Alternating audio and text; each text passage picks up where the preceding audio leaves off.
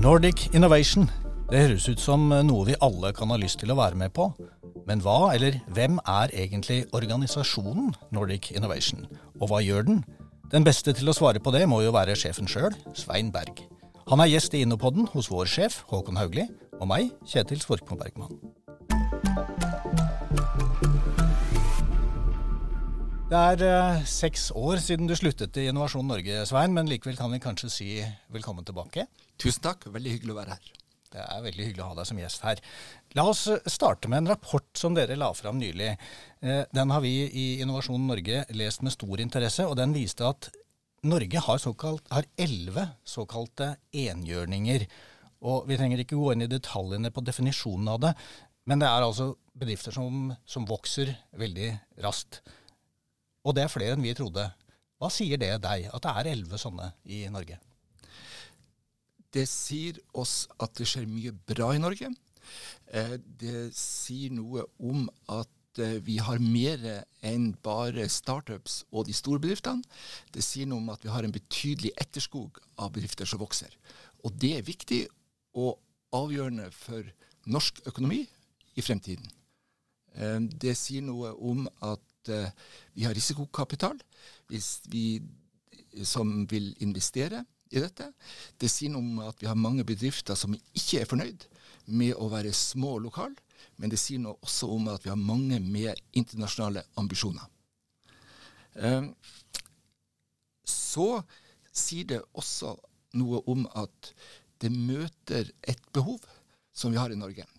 NHO og Finans Norge har estimert at vi trenger sånn ca. 25 000 nye jobber per år i Norge fremover. Da trenger vi vekstbedriftene, som er helt avgjørende for å skape de.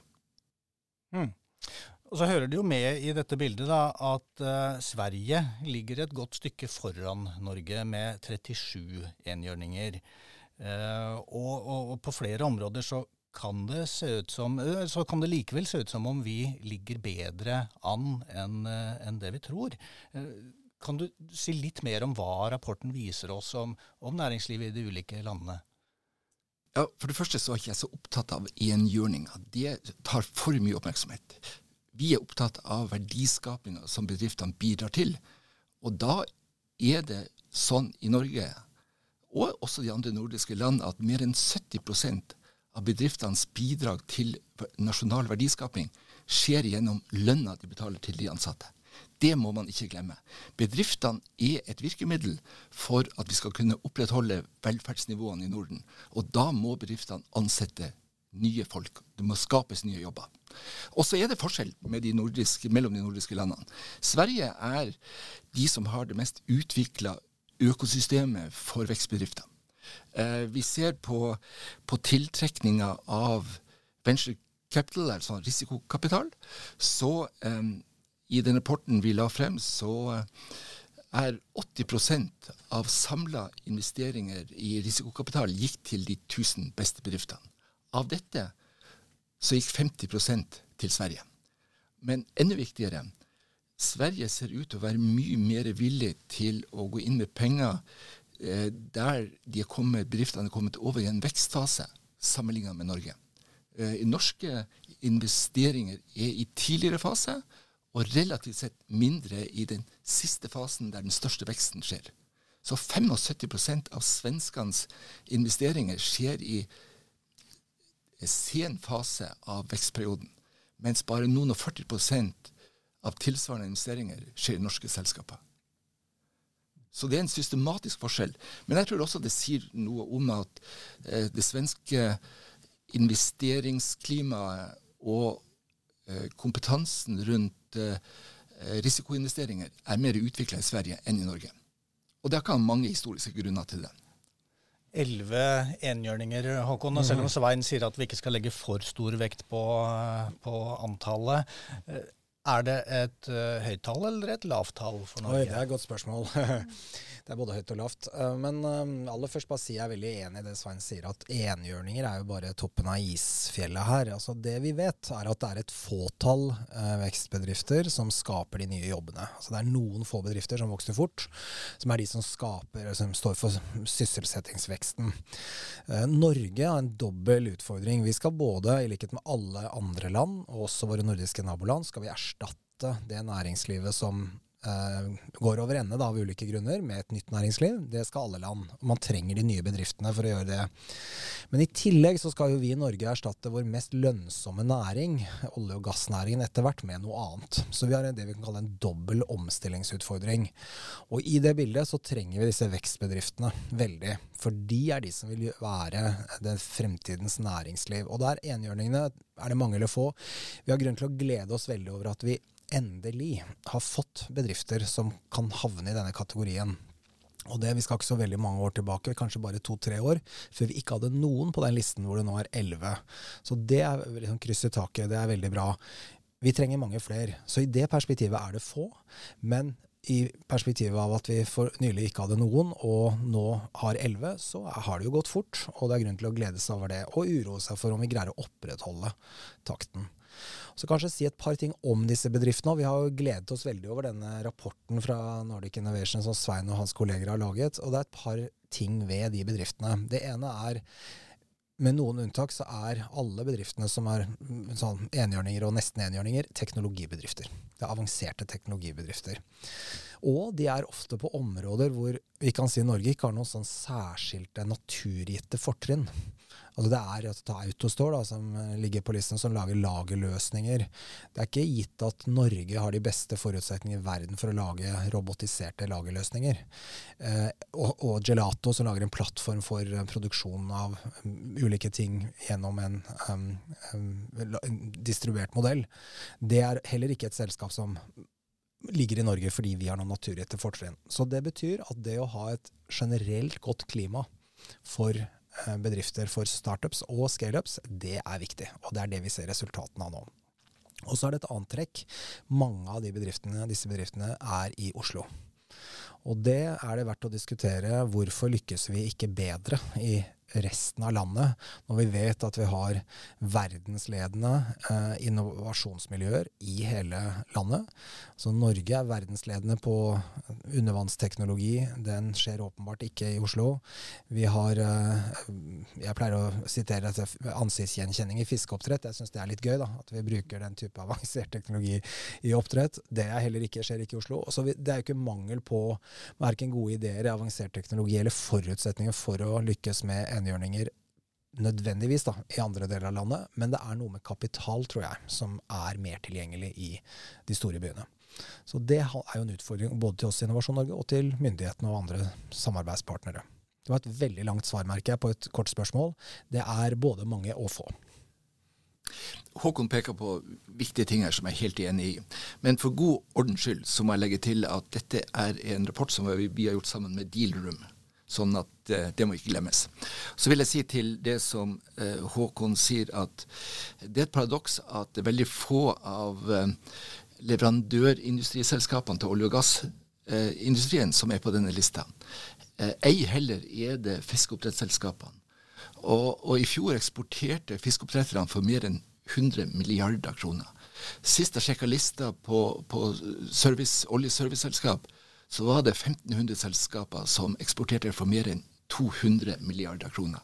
De er ikke på denne lista, men sånn at der har vi mange små, kraftfulle selskaper som ikke når opp til å bli store. Men summen av det som klyngene innenfor de, den sektoren produserer, burde ha stått på lista. Mm, ja, og dette er jo til at det er mange eh, måte, eierformer òg, så, så, man kan jo tenke seg en skaleringsreise som enten foregår innenfor et etablert selskap, enten i form av et datterselskap eller i form av en avdeling. De vil jo ikke fanges opp her.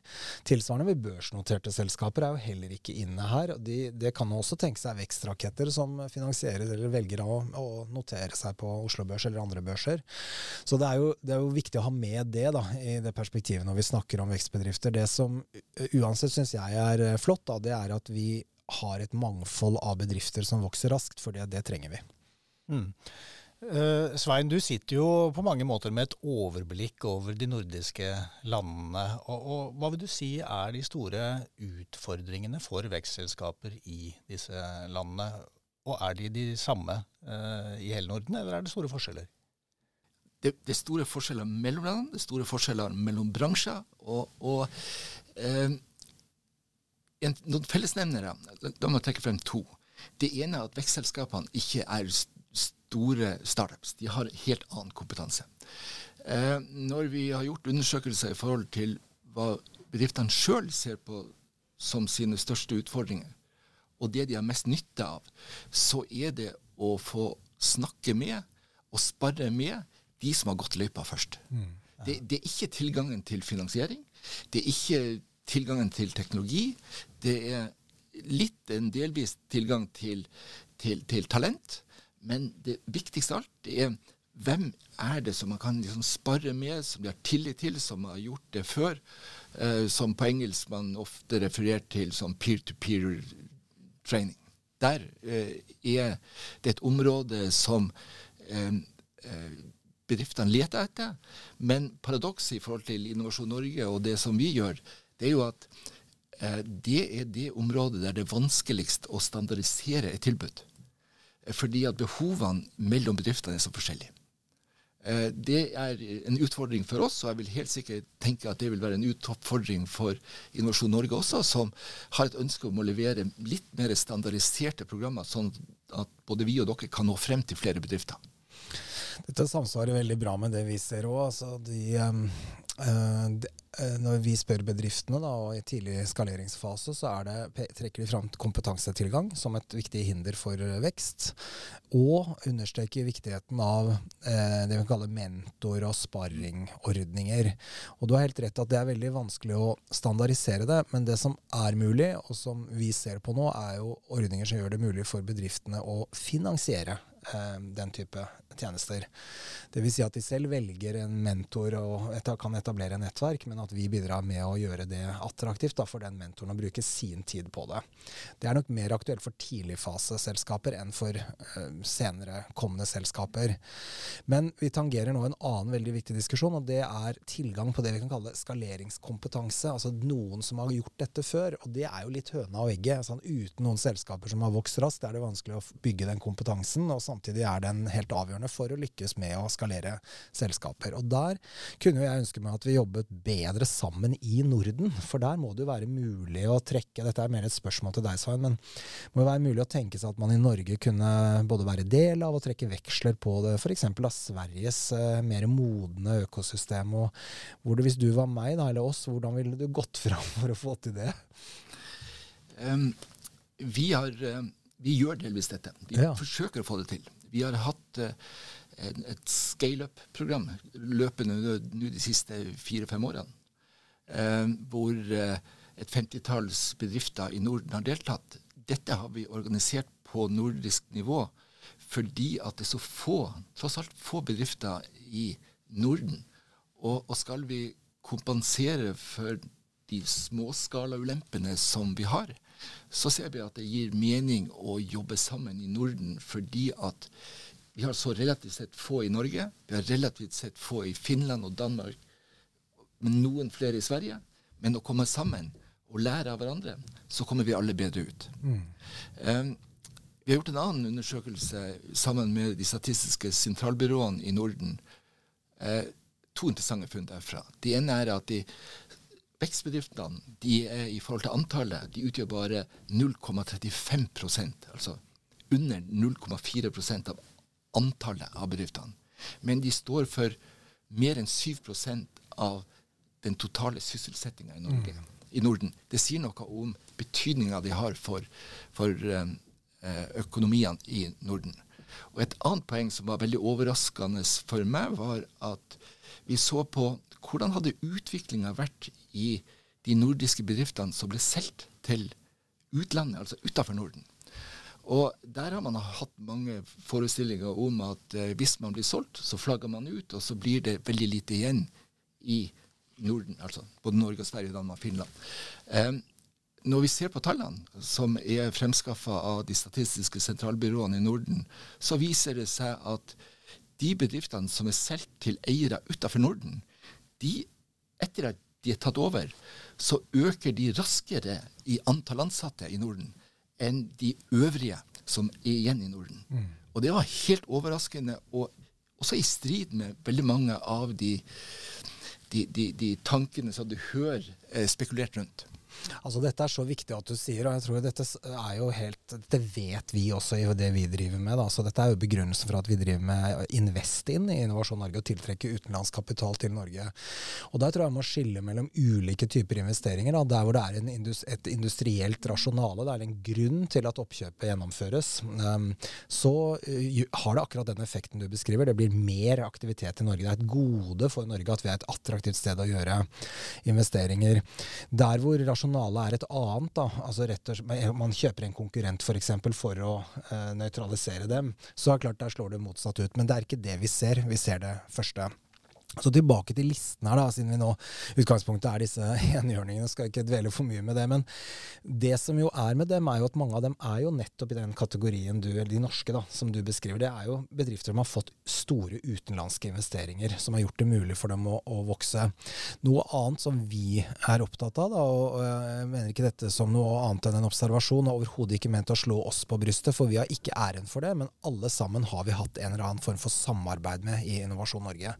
Og det er jo veldig gledelig da, å tenke at, og jeg håper det er slik, at den tidlige starthjelpen vi kunne bidra med, har vært en del av reisen til disse bedriftene, som nå er da store virksomheter med, som ansetter mye folk, og som lykkes i internasjonale markeder. Så det og det, læringen i det betyr at vi må sørge for at disse løpene er sammenhengende og gode, og at det går raskest mulig for bedriftene å få den kompetansen og kapitalen som de trenger.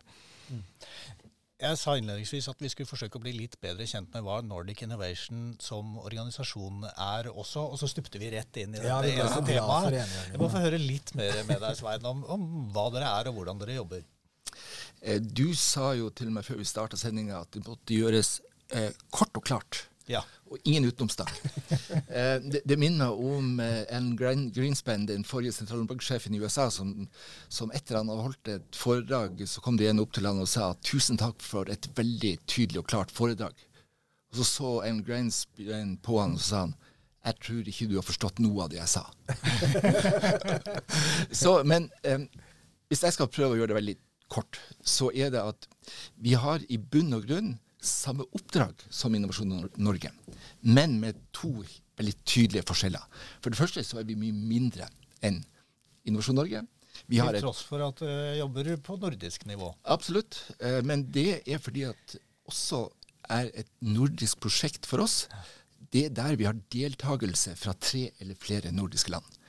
Og kommer det tre norske bedrifter til oss, eller tre svenske bedrifter til oss, så sier vi at supert, dere har en spennende idé, gå til Innovasjon Norge hvis det er deltakelse fra, fra, Norge, og tilsvarende hvis det er fra de andre. Eh, men noen prosjekter, noen områder, har vi fordel av å jobbe sammen for å løse. Det kan enten være at vi har komplementære eh, kompetanser. Eh, det kan være at vi skal kompensere for at vi hver for oss små. Og så kan det være noen prosjekter som, som man må koordinere standarder for at det skal gi mening å utvikle noe. Eh, F.eks. vi har jobbet med utviklinga av elfly. Og det gir ikke mening å jobbe med i Norge alene, for fly flyr imellom land. ja. Og da må man ha på en måte samme fyllingsstasjoner og ladestasjoner. Eh, og, og, da gir det også mening å jobbe sammen på nordisk nivå. Og jeg tenker Fra Innovasjon Norges side det er viktig å få frem at Nordic Innovation er jo ikke en konkurrent av Innovasjon Norge, men en viktig samarbeidspartner. og Vi gjør en god del ting sammen. og bare, La meg trekke fram én ting, da, som er dette Nordic Innovation House, som det heter som er sånn landingssted for tidligfasebedrifter ute i verden, som vi gjør da sammen, hvor Nordic Innovation står for en del av finansieringen, og vi gjør det sammen med våre nordiske søsterorganisasjoner. Det mest kjente er sikkert det som er i eh, Silicon Valley, Palo Alto. Mange norske oppstartsbedrifter har vært der. Og, og det er en fantastisk modell hvor man både får tilgang til det si, økosystemet som er i Silicon Valley, men også i en nordisk setting, og kan dele erfaringer med andre nordiske bedrifter som er på samme samme reise, bokstavelig talt. Og så slipper vi å være konkurrenter når vi er langt borte. For vi blir jo sett på som same same oppe i det nordlige hjørnet av Europa. Og så gir det større oppmerksomhet når man kan si at her er de beste fra hele Norden.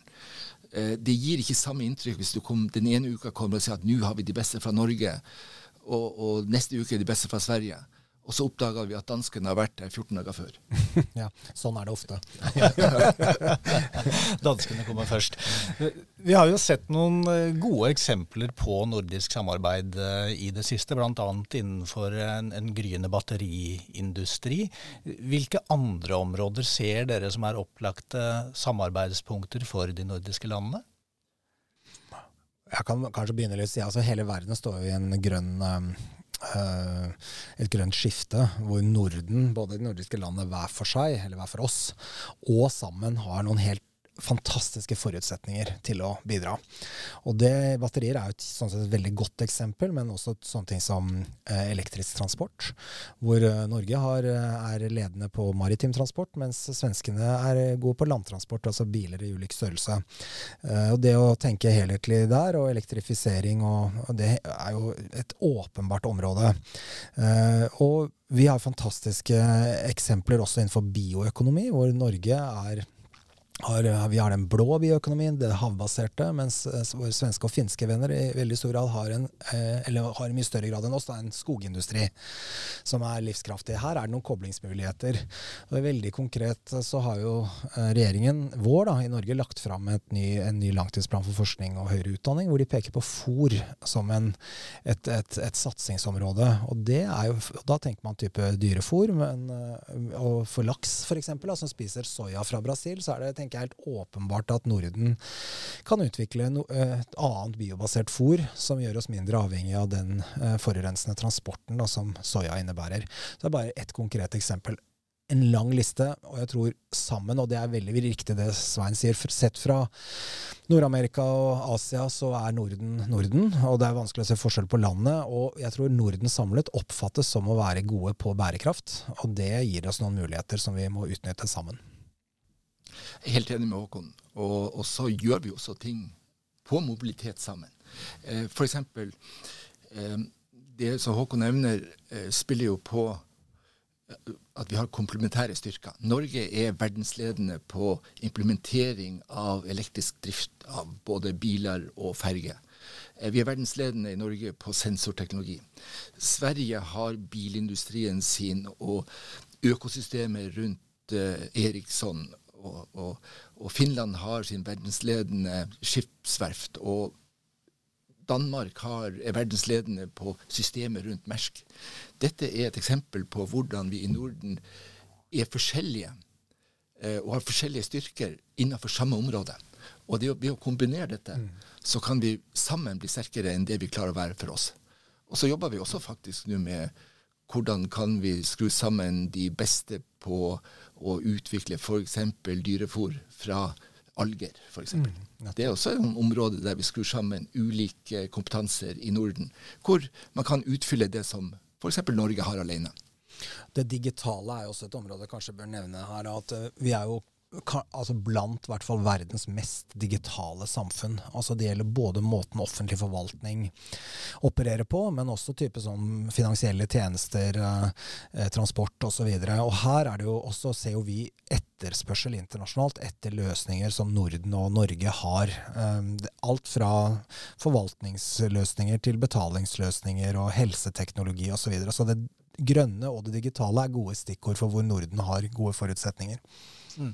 Så mulighetene for samarbeid er absolutt til stede. Men er vi gode nok til å samarbeide i Norden? Nei. Eh, vi overvurderer vår egen kunnskap om mulighetene som ligger på andre sida av grensa. Vi snakker til dels samme språk som svenskene og danskene. Ikke samme språk som finnene og islendingene. Men vi, vi, tror at det skal være så lett å snakke med en, en, en svensk eh, bedrift. Men tradisjonen i Norge og i Danmark og, og, og Sverige, hvordan man tilnærmer seg eh, et samarbeidsprosjekt, er forskjellig. Man undervurderer den historiske arbeidsmetoden man har i, i, de nordiske landene. Så selv om språket tilsynelatende er likt, så er det et godt stykke igjen før vi har de samme mulighetene som internt i det enkelte land. Og samtidig så har vi jo store bedrifter som er i sannhet nordiske. Da, altså ta Choice Hotels eller Skipsted og andre, som faktisk eh, er på en måte like svenske som de er norske. og også, Det finnes Wärtsilä, som er et finsk verft som har masse aktivitet i Norge osv. Så, videre. så det er jo og jeg tror det er jo der, er der samarbeidet må ha sine, sitt utgangspunkt. Det er jo en, I hvert fall innenfor næringsliv. Det er jo genuin interesse for samarbeid på, mellom bedriftene. Og det er jo det vi kan gjøre som virkemiddelaktører, og det man politisk kan gjøre, er å legge til rette for det. Der er det mye ugjort der, altså for å få ned barrierene for ja, mobilitet uh, osv. Og, og samtidig uh, bidra til at våre lands bedrifter uh, har nettverk de kan inngå i, da, som vi har gjort på batterier f.eks. Bidra til å lage et nordisk um, koblingsarena for batteriaktører på tvers av de nordiske landene. Eh, og sånt virker. Vi ser det i resultater. Mm. Vi, vi, er jo en organisasjon som er kun basert i Oslo. Men for oss er det helt avgjørende å ha kolleger fra alle nordiske land. Det handler om å finne frem, være klar å identifisere de mest relevante nettverkene i Norden. Og da nytter det ikke bare å være norsk da må vi ha svenskene internt i organisasjonen, og finnene og danskene. Og islendingene. Hvordan syns du det er å flytte til Oslo, da, disse nordiske kollegene? Stort sett bra, men overraskende komplisert teknisk mellom skatt og slike mm. praktiske ting. Ja, det er jo så enormt bra, eh, beklageligvis, da, at dere erfarer dette også, som kan gi noen råd til eh, deres nordiske oppdragsgivere om å forenkle det. For dette er jo akkurat det vi hører fra bedriftene også, at det er forbausende komplisert med skatt og alt. Og det til tross for at vi har hatt et felles arbeidsmarked i 65 årene. Ja, tenk på det. Det gir meg jo en god anledning til å spørre deg, Svein, som vi gjør med mange av gjestene våre her inne på den. Hva ville du ha sagt til statsministeren hvis du sto i heisen med den på en litt lang eh, heistur? Ikke så veldig lang, da. Jeg ville først ha ønska at vi fikk en uforutsatt uh, stopp i heisen. Og da ville jeg ja, det var det. Ja. Og da ville jeg kanskje ha sagt at uh, når man jobber med næringspolitikk, så er det et langsiktig arbeid det er ikke egnet for stop go å diskutere bevilgninger to ganger i året, som man gjør i forbindelse med statsbudsjettet og nasjonalbudsjettet. Man må ha et langsiktig perspektiv. Og eh, det er fint å ha fokus på store bedrifter. Det er veldig bra å ha oppmerksomhet også i forhold til eh, oppstartsbedrifter, men det er opp det er vekstbedriftene som er nøkkelen i forhold til den perioden vi står nå foran. Fordi av tre grunner. Det første er at eh, de er helt avgjørende for verdiskapinga i eh, Norden, som gjør at vi kan opprettholde de velferdsnivåene vi har. Men de er også helt avgjørende for å løse de store samfunnsutfordringene som vi står foran. For å løse de globale verdikjedene som vi er nødt til å finne en annen løsning på. For å gjøre noe med klimautfordringene som vi står foran. Og sist, men ikke minst, de er viktige fordi at de er helt nøkkelen i å få velfungerende økosystemer og få gode eksempler i Norden. Så eh, stabilitet på næringspolitikken og fokus på vekstbedriftene. Mm. Vi har jo et uh, langsiktig perspektiv her i Innopoden også, men akkurat nå så er uh, tida vår ute. så da sier vi takk til uh, deg, Svein Berg, administrerende direktør i Nordic Innovation, og takk til Håkon Haugli. Mitt navn er Kjetil Svorkmo Bergman. Vi høres igjen i Innopoden.